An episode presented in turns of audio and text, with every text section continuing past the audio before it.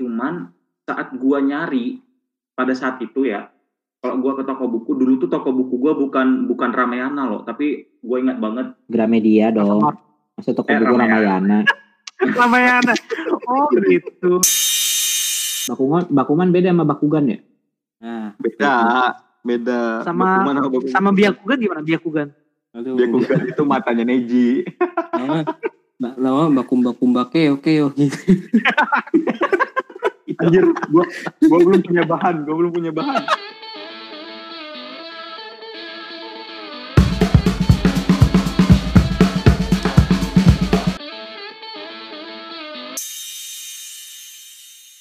Lanjut lanjut lanjut. Ya itu kan Haidar. perspektif.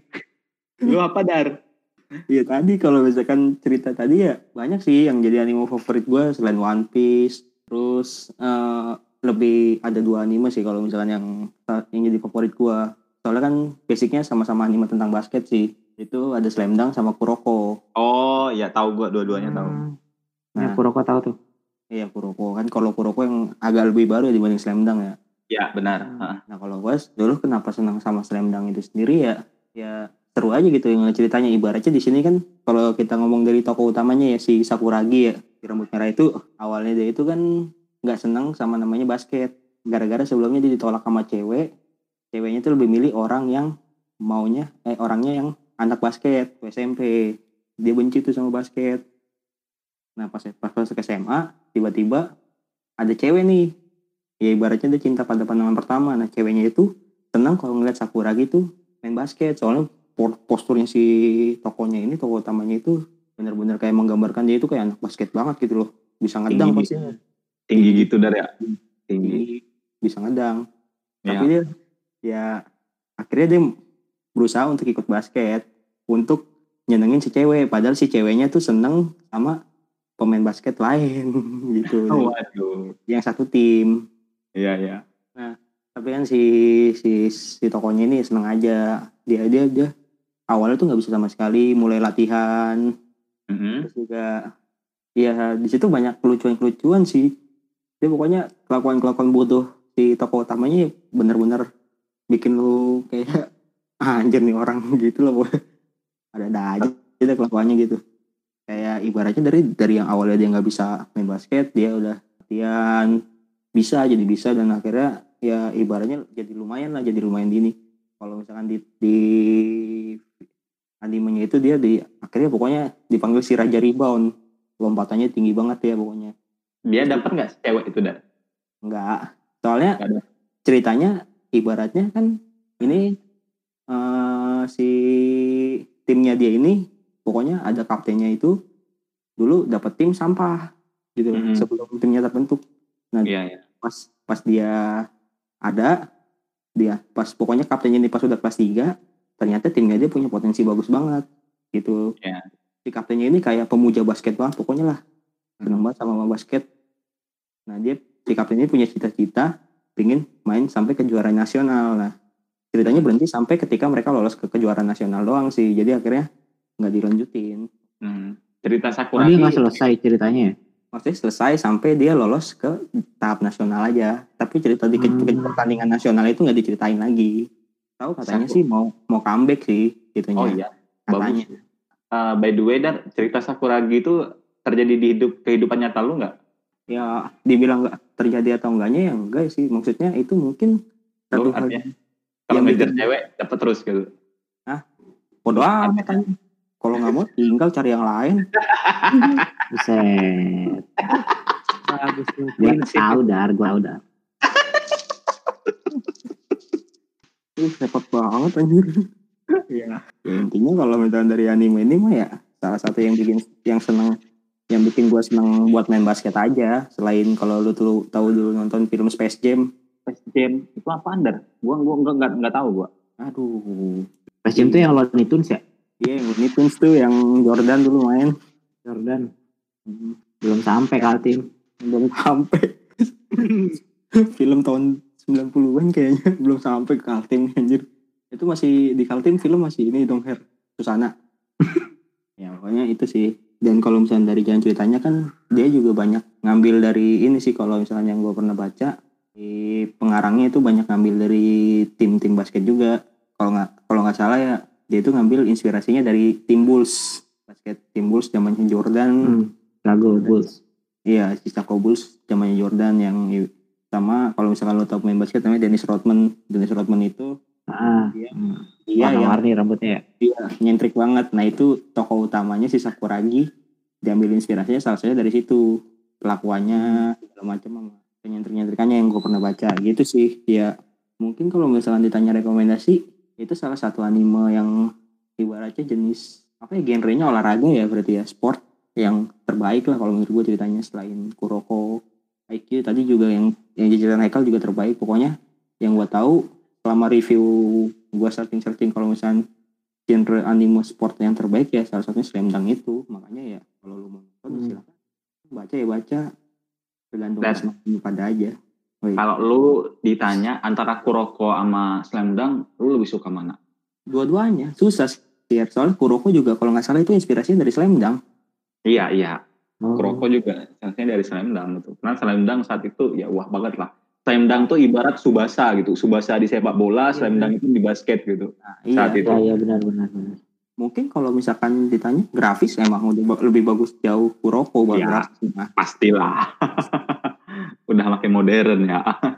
dan Kuroko enaknya dia ceritanya banyak seasonnya nggak kayak Slam Dunk Ah iya benar benar benar. kalau Slam Dunk itu tapi Slam Dunk 100 sampai 100 episode lah hitungannya buat anime itu lumayan panjang dia Kalau untuk eh, manganya itu 200 lebih kalau nggak salah itu. iya Slam Dunk makanya kan zaman zaman dulu tuh nonton Slam Dunk bahkan gue sampai download download ulang walaupun dulu pernah nonton download ulang aja tuh gue simpen kita nonton ulang lagi Hal-hal yang bisa kita koleksi sekarang itu doang ya. Kita belum bisa ngoleksi mobil, belum dong motor, belum ya. Jadi hal-hal itu doang yang bisa kita koleksi. belum dong nanti nanti saya koleksi koleksi mobil mewah santai biar Iya. kayak Hotman Paris Ntar bikin Iya. YouTube dijual-jual ya dari ah.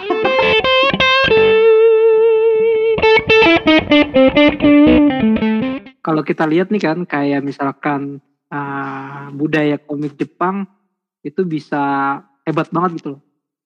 Mereka tuh bisa bikin komik banyak terus bisa terkenal gitu kayak misalkan contohnya kayak Subasa aja. Subasa itu kan sebenarnya latar belakangnya eh, karena mereka itu akan eh, goalnya itu adalah ke Piala Dunia. Ya, Korea Ya, Selatan jadinya- Jepang itu. Ah, 2002. ah, yang 2000 2002 ya. Ya, 2002. 2002. Juaranya Brazil tuh. Finalnya Brazil Jerman. yang mana zaman dulu itu kan Jepang bolanya biasa aja gitu. Tapi semenjak ada Subasa banyak orang yang pengen eh, jadi pemain bola, banyak orang yang latihannya eh jor-joran dan kebanyakan mereka ini terinspirasi oleh komiknya Kapten Subasa. Benar, benar, benar. Nah, tapi lu, lu tau gak sih sebenarnya kalau misalkan sistem komik eh, mangaka di Jepang itu dia keras banget. Jadi Gimana tuh? mereka itu eh, bikin komik per minggu. Per apa ya namanya? Per volumenya kalau nggak salah. Per volumenya itu per minggu. Hmm. Dan mereka per minggu per minggunya itu dievaluasi. Jadi kayak kalau misalkan eh, setelah dua minggu atau tiga minggu ratingnya turun terus, itu di stop langsung sama sama ininya, produsernya, Publishernya. Sama publishernya. Kayak ambil contoh aja nih kayak Naruto. Sebenarnya kan endingnya jelek banget kan yang di bagian Naruto sama Sasuke berantem terakhir. Ya, jelek-jelek banget endingnya. Gua berharap One Piece jangan gitulah. Tapi gue yakin enggak. Itu karena eh, ratingnya Naruto itu setelah pering, eh, setelah perang dunia awal-awal perang dunia itu turun terus. Mm. Sampai akhirnya di situ Hmm. ya udah di stop aja langsung. Makanya endingnya kayak dipaksain dia gitu. Oh, Industri Iya juga ya sih. kayak sinetron ya. Iya Iya sinetron sih, jadi kan. kejar wayang. iya Sebenarnya Jadi kayak harus- di industri industri penulisan juga kan kurang lebih gitu nggak sih di publisher dan ada editornya gitu. Eh, kalau misalnya Bedanya kita itu- nulis sequel atau apa gitu. Cuma ini kan kejar ininya bang apa cepat deket-deket ininya ya apa waktu-waktu jedanya tuh singkat. Ya, mereka makanya- tuh banyak banget. Mangaka tuh banyak banget di Jepang. ya. Ah, mangaka tuh kayak Hmm. artis itu di Jepang itu. Mm, mm, mm. Iya Jadi karena kalau ya misalkan- industri udah tumbuh juga sih ya. Iya. Jadi kalau misalkan eh, lu nggak bisa bikin komik yang bagus, yang ratingnya di atas terus, ya udah lu bakal kesingkir sama komik lain. Eh, itu ada tuh Hmm, komiknya eh, manga yang nyeritain tentang mangaka namanya Bakuman. Oh, gua tahu. Oh, Hmm. Bakuman, tahu tahu gua. Tahu gua tahu. 10 episode, masalah 10 volume. Hmm. Iya, iya. Gua nggak tahu. Nah, Itu seru Nah. Lu cari tahu dah kalau. Bakuman Bakuman beda sama Bakugan ya? Nah, Beda, beda. Sama- Bakuman Bakuman. Sama Byakugan gimana Byakugan? aduh. Byakugan itu matanya Neji. Nah, Mbak lama bakum bakum bake oke yo gitu. Anjir, gua gua belum punya bahan, gua belum punya bahan. Ayo, ayo, ayo, ayo, ayo, ayo, ayo, ayo. Ba, ba, Apa ya? Apa ya? Ah, lama lu. Alama lu, Er. Alama lu. Er. Oh, Bakuman itu yang hitam-hitam itu ya? Hah? Bayangan sih. Pasti Bayangan. ilmiah nih, pasti ilmiah nih. Bayangan, Ilmiah. bayangan. Tuh kan ilmiah kan. Bakuman Berat enggak. emang. Ngomong sama itu berat emang. Gua bingung. Gini, Apa kalau waktu kecilnya tuh nggak nggak kena internet, nggak kena Bisa, bisa. referensi komik tuh kayak gitu. Jadi Jadi waktu, Komik waktu Herli itu gitu waktu aja. kecil tuh melihat Ya. alam, merefleksikannya dengan diri, mengeksplorasinya, ditulis. Wah gila, emang udah ilmiah banget dari kecil itu Herli. Anjir ini ini pembunuhan karakter Harley ya di sini ya. Mikirnya kalau disuruh Erli kalau disuruh gambar gunung, dia tuh gambarnya nggak eh, dua gunung terus jalan sama sawah, tapi dia ke Ada gunungnya langsung. sawah gitu. Gambar langsung sama Oh. dia dari depan gunungnya. di tengahnya nggak ada matahari berarti aja ya. Ada Herli. matahari. Ada yang paling di pojokan tuh ada orang lagi pacaran dua. Ah, aduh, pinggiran tuh. Mojok. Nah, Anjir. Ah, apa? Susah, susah. Pacaran di gunung. Ntar cari yang enak-enak di gunung juga, Her. Ih, cari. Gue punya pertanyaan nih, masalah industri tadi ngomongin masalah industri kan. Jadi eh kalau misalnya kita lihat di Korea gitu ya, K-popnya kan lagi naik banget gitu. ya. Terus eh, Jepang dari dulu manga, anime, bahkan ada J-pop, J-rocksnya itu industri-industri eh, musiknya, seninya tinggi ya. Nah, Itu- eh sebenarnya apa sih yang yang membuat bu, eh, industri dalam bentuk budaya di negara-negara itu Asia Timur ya kita Cina juga Cina juga tinggi loh di, di kita Iya, iya. sampai internasional juga loh itu apa sih yang membuat mereka bisa sebesar itu ya kira-kira? Dan dan refleksinya ke ke kita kan sebenarnya kita punya bentuk eh, komoditas budaya yang sangat sangat potensial untuk dikembangkan mulai dari kreativitasnya uniqueness-nya terus eh, yang membuat yang bisa dijual lah. Pokoknya itu kita punya komoditas budaya yang banyak gitu. Tapi apa yang berbeda? Apakah masyarakatnya atau pelaku seninya atau sokongan pemerintahnya atau apa sih? Khususnya di di manga ini sih karena ini kan udah ini banget ya udah lekat banget gitu sama Jepang. Ya padahal sebenarnya kalau kita eh, kita Indonesia juga punya kayak banyak banget kayak Gundala terus fil apa Iya. kartun-kartun yang lain. Itu kan dulu sebenarnya kita punya komiknya juga kan dalam bentuk eh, majalah gede gitu. Banyak Tapi banyak. kita kita dari kita dari cerita aja tuh banyak banget yang bisa dikembangin loh. Misalnya eh, menceritakan tentang keragaman budaya kita atau kita menceritakan tentang sejarah kita itu banyak banyak hal yang bisa dieksplor sebenarnya. Itu dari segi ini ya, dari segi misalnya kita diterapinnya dalam komik atau misalnya kita musik gitu, let's say K-pop gitu kan. Musik kita eksplor, bisa dieksplorasi banyak banget tuh dan kalau kalau misalnya kita ngomong masalah tok tok yang bisa dijual itu luar biasa banyak tapi kenapa apa yang bisa apa yang membuat industrinya tuh tidak bisa se, sebesar dan se, semengakar animenya Jepang, Korea atau Cina mungkin dan lain itu refleksinya apa dari dari dari fenomena anime Jepang ini? apa ya kalian ini ini kalau gua kali ya ini ini gua ini opini pribadi gua ya. Eh, sebenarnya cerita ceritanya bagus gua gua suka gitu loh. Kayak eh, dulu cerita ceritanya Mak Lampir itu terus ceritanya si buta dari gua hantu gua suka cuman saat gua nyari pada saat itu ya kalau gua ke toko buku dulu tuh toko buku gua bukan bukan Ramayana loh tapi gua ingat banget Gramedia dong. Maksud toko Eh, buku Ramayana. Ramayana. Ramayana oh gitu di Halo, iya. Kalau di sana emang Ramayana jual buku jadi Ramayana. Lu mau beli, mau beli baju apa mau beli buku, Her? Hah? lu, lu beli baju di Gramedia Bukunya buku, buku kosongan, buku pelajaran. lu, bakal lebih heran nih lu, lu bakal lebih heran kalau gua kalau komik pertama yang gua punya, gua belinya bukan di Gramedia, tapi di toko Hero anjir, sumpah. Gua nggak bohong. Iya, suka ada, suka ada. Kalau Hero masih ada, masuk. ada emang. Di rak-rak Hero gitu ya. Kalau Hero Iya. masih masuk. Di, di Ramayana Hero. gimana anjir? salah itu tay itu salah Ida itu salah. Ramayana lu- lu samanya tuh. sepatu. Bata tuh dijual tuh Ramayana tuh. Komikat ya. Lanjut tuh gue nanya nih. nah, Iya, iya, iya.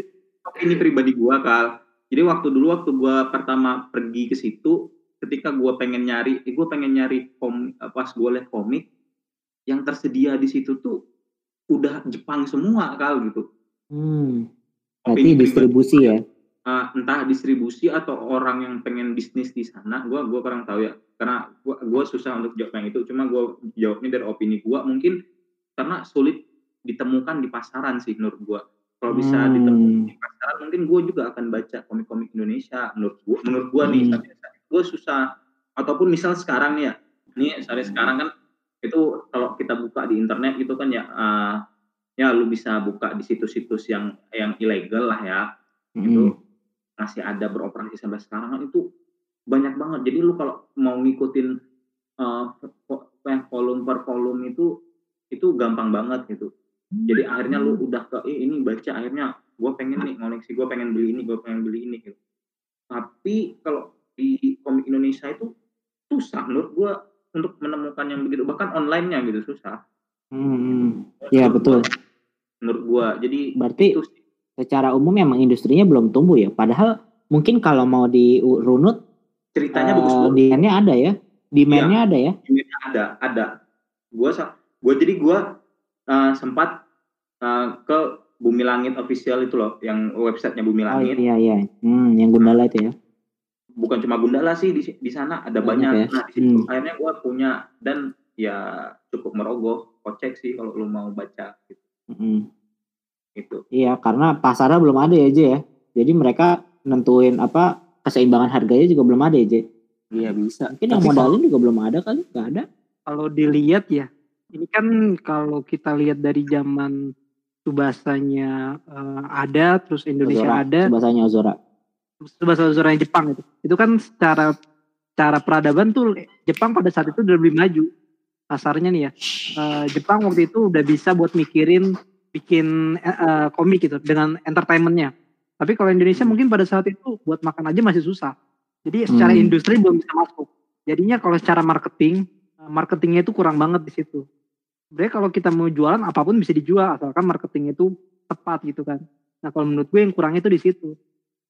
Makanya kalau kita lihat sekarang Tapi kayak misalkan Kalau misalnya mikirin mikirin makan ya, sebenarnya industri komik kita udah udah ini loh, zaman 70-an itu sempat berjaya loh. Kalau Iya, iya, misalnya tahu ada Koping Ho, terus Iya. ada ya ada ada serial yang Gundala, terus eh, superhero superhero Indonesia itu sempat sempat berjaya 70-an 80-an gue pernah baca di di berita waktu itu. Cuma kok nggak nggak semengakar ini ya, nggak semengakar itu apa? Jepang ya. Eh, apa kalau dari jangan-jangan ada hubungan dengan Orde Baru. Waduh, itu dia bingung. Jangan ngomong ke situ dong. Gua gua nggak tahu sih ya, gua nggak tahu. Tapi kan kalau kita lihat dari Orde Baru itu banyak banget hal yang dilarang.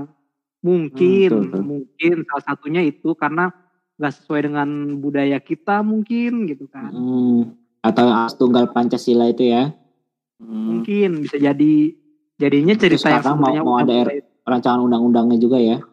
ya. jadinya kayaknya kita keberatan deh kalau bahas itu deh menurut gue dari anime anjing bahas itu jadinya kalau kita lihat eh, komik yang udah mulai bertumbuh ini justru dimatikan gitu Hmm, enggak, Dan- enggak lebih ke tidak ada dukungan kali ya. Kalau pemerintah Iya, Jepang tuh kayak mungkin mendukung ya terhadap industri ya, entertainment dalam bentuk manga ini ya. mendukung dan masyarakatnya setahu gue dia lebih menghargai sih kalau menurut gue ya. lebih mengapresiasi akan Hmm. adanya industri kayak gini soalnya yang gue gue pernah baca artikel kayak tahun 2019 itu kan kita dulu pasti movie itu yang paling ini buat yang hype banget Endgame ya Avengers Endgame ya Hmm, Avengers. yang bahkan sampai dia peringkat teratas dengan bisa dibilang penjualannya laris di Jepang dia kak cuman di Jepang Avengers yang Endgame itu kalah penjualannya sama movie-nya the, the movie-nya Conan Oh iya, ya benar benar benar. Benar benar benar. Peringkat satunya the movie-nya Punya Conan apresiasi warganya ya. iya peringkat satunya the movie-nya Conan anjir dibanding Hmm. Endgame itu mungkin itu juga yang jadi ini kan kalau misalnya di Indonesia ya akhirnya kalau menurut gua ketertarikan terhadap ani- dunia animasi Indonesia ya masih belum sampai ke situ gitu kalau yang kita bilang secara gampangnya adalah padahal banyak animator-animator yang ibaratnya film-film bagus itu dari Indonesia gitu Ah, Iya, iya. Ya bahkan yang kerja di luar juga banyak kan. Iya. Ya kadang kan kalau misalnya kita nonton film-film animasi nih yang udah benar-benar bisa jadi box office box box office di luar negeri, kadang-kadang tuh kalau misalkan tributnya itu ada nama-nama Indonesia pasti di situ kan di tribut. Atau enggak Hmm. mungkin ini ya? Apa mungkin karena oh tapi kita harus eh, mengingatkan ke para pendengar kita ini opini kita doang ya. Iya opini, ini opini aja. Hmm, ya kita nggak belum ada riset sih. Mungkin next Ya, episode ini, ya. perlu riset. Tapi menurut gue Iya, kalau ya, misalkan kalau misalkan lu mau cari yang bener ya lu baca buku anjing, jangan dengerin kita.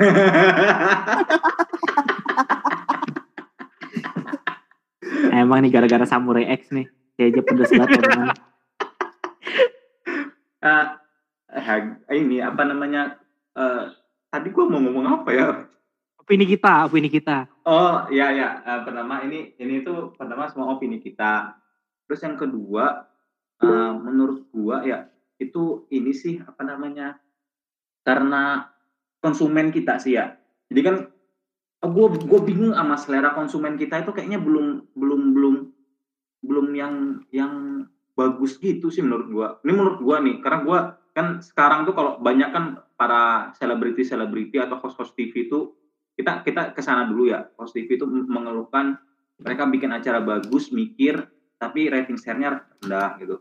Nah sama kayak uh, ketika gua mencoba menjadi ya sedikit jadi konten kreator, kita bikin kita bikin susah gitu banyak lama harus ini eh tapi apa namanya eh yang bikin konten itu mudah cuma modal screenshot dia bikin status di Twitter eh rich people-nya jauh lebih berkali lipat dari gue gitu.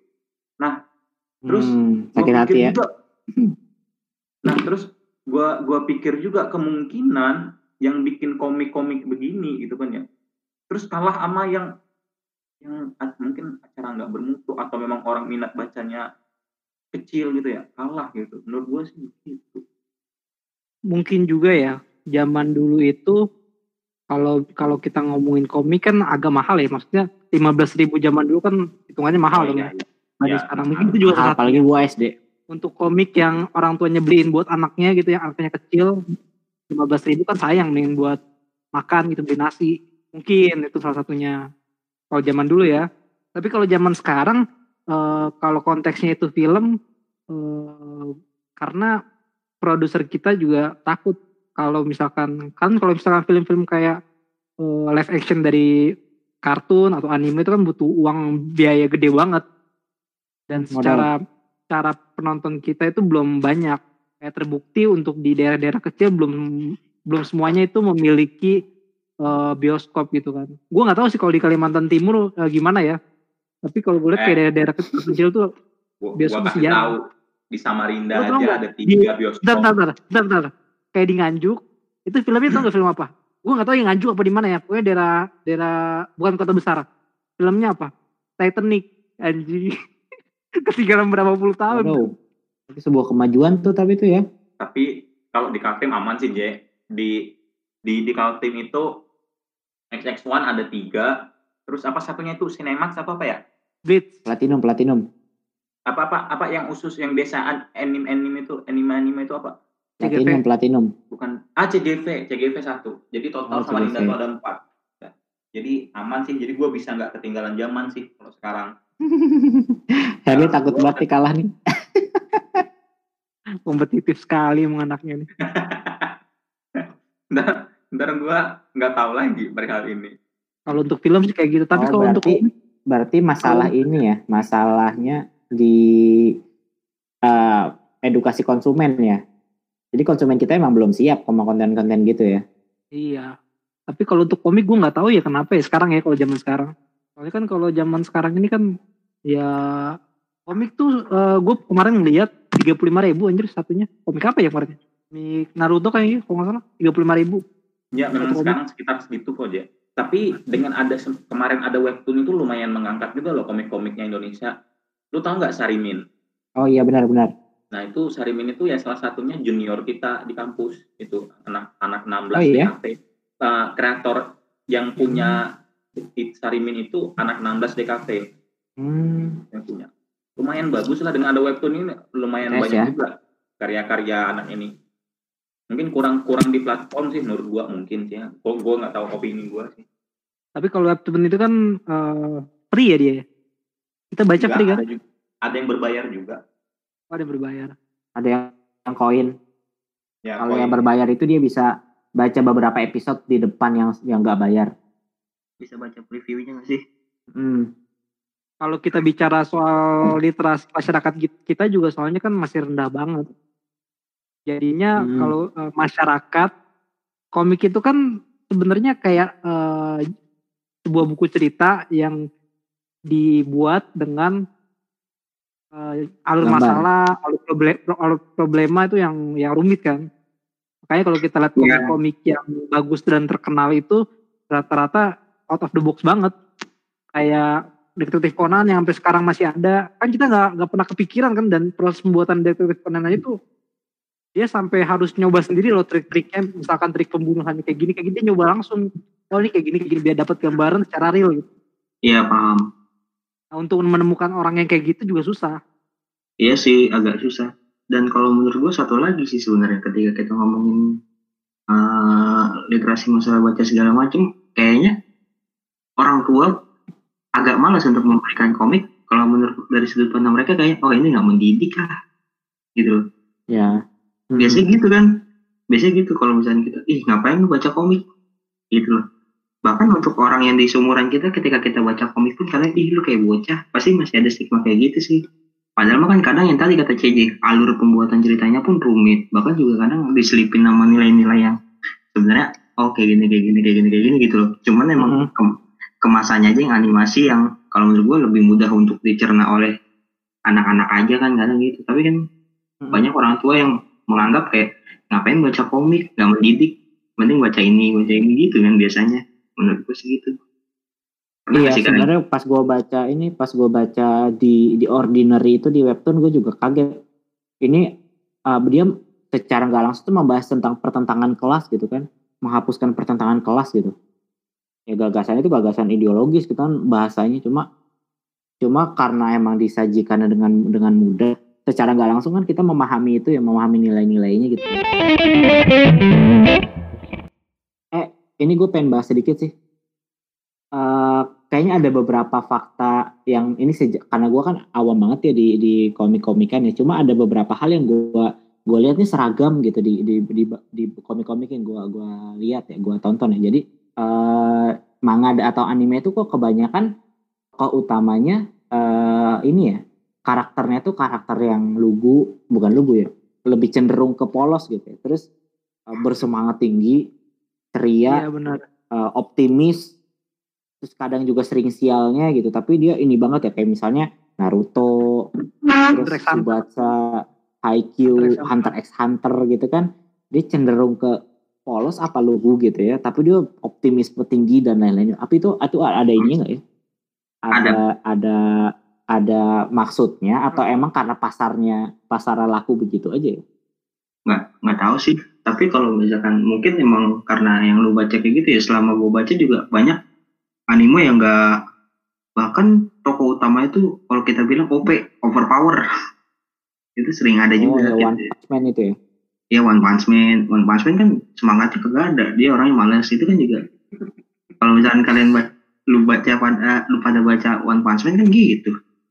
Itu juga sih. Iya juga orang- sih ya Hmm, mungkin kalau ketika pasarnya ketika kita banyak yang lugu atau awalnya dia sial atau awalnya dia tidak hebat atau segala macam ya buat pembelajaran aja kali ya cara nggak langsung kayak Tapi kayak misalnya One Piece gitu, Luffy atau misalnya apa lagi ya?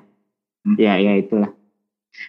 ya maksudnya kalau menurut gue dari yang itu memberikan pelajaran kayak ibaratnya dari mereka yang bukan siapa-siapa menjadi sangat memberikan pengaruh yang tinggi dengan yang paling gampangnya adalah semangat yang tinggi gitu dia mau berjuang ibaratnya Hmm. tidak ada kata menyerah untuk dia ibaratnya Oh, ketika value-nya value-nya Iya. di situ ya.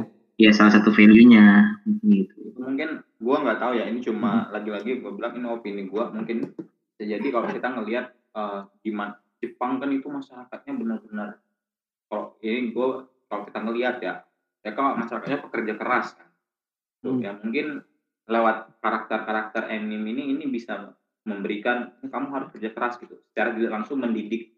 Mungkin yang anime yang atau anime ini kan yang ke- kebanyakan kan juga yang lihat kan anak-anak kecil ya. Jadi secara tidak langsung anak-anak kecil itu gua harus semangat nih.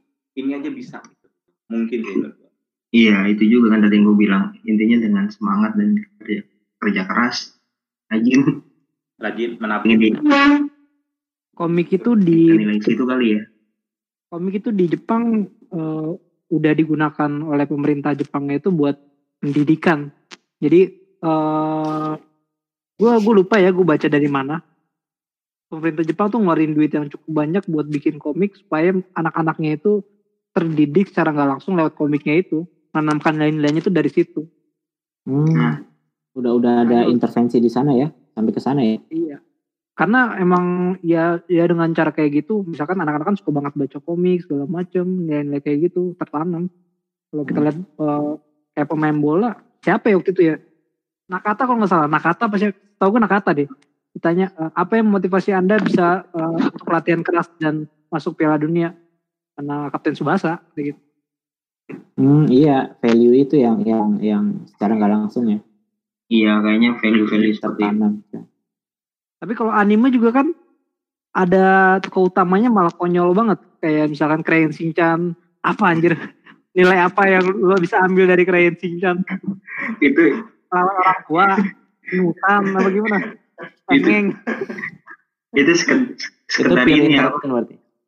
biar entertain tapi kalau misalnya katanya dengar ceritanya Shinchan itu itu loh sedih juga anjir kalau misalnya lu pernah baca jadi sebenarnya Shinchan sama adenya itu nggak ada.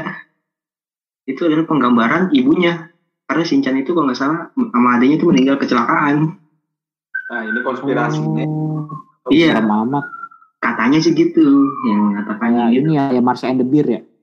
ya kan kadang ada aja cerita-cerita konspirasi di balik ani kartun-kartun atau animasi-animasi yang ada kan. Nah salah satunya Shinchan itu yang gue pernah lihat kayak ibaratnya ini adiknya sama Shinchan kan sama adiknya si Himawari ini kan kalau misalnya diceritakan ada nah tapi kalau misalnya secara aslinya dia nggak ada yang di mana cerita itu menceritakan kalau ibunya ini oh kalau misalkan Shinchan ada tuh dia pasti ntar bakal kayak gini dia bakal kayak gini dia bakal kayak gini gitu iya Banyak sih ya kalau mau dieksplor itu eksplor apa? Eksplor anime atau manga gitu ya. Karena ya secara umum ini udah udah bukan masalah entertain lagi sih menurut gua tapi udah masalah budaya ya. Banyak banyak bisa dieksplor gitu. Tapi kayaknya segini aja kali ya otak-otak kita buat buat buat bahasannya. Ya segini aja kali ya. Makasih buat eh, pendengar kita yang didengar. eh, Sobat Bego. Eh, Namanya sangat bego nih. kita nyebutnya apa? Orang bego. So- sobat bego mantap Sobat Bego. Eh, ya segini aja dari kita. Eh, gua CJ pamit. gua Haidar pamit Haikal, Haikal pamit. Elvi pamit Bye. Yo semuanya. dadah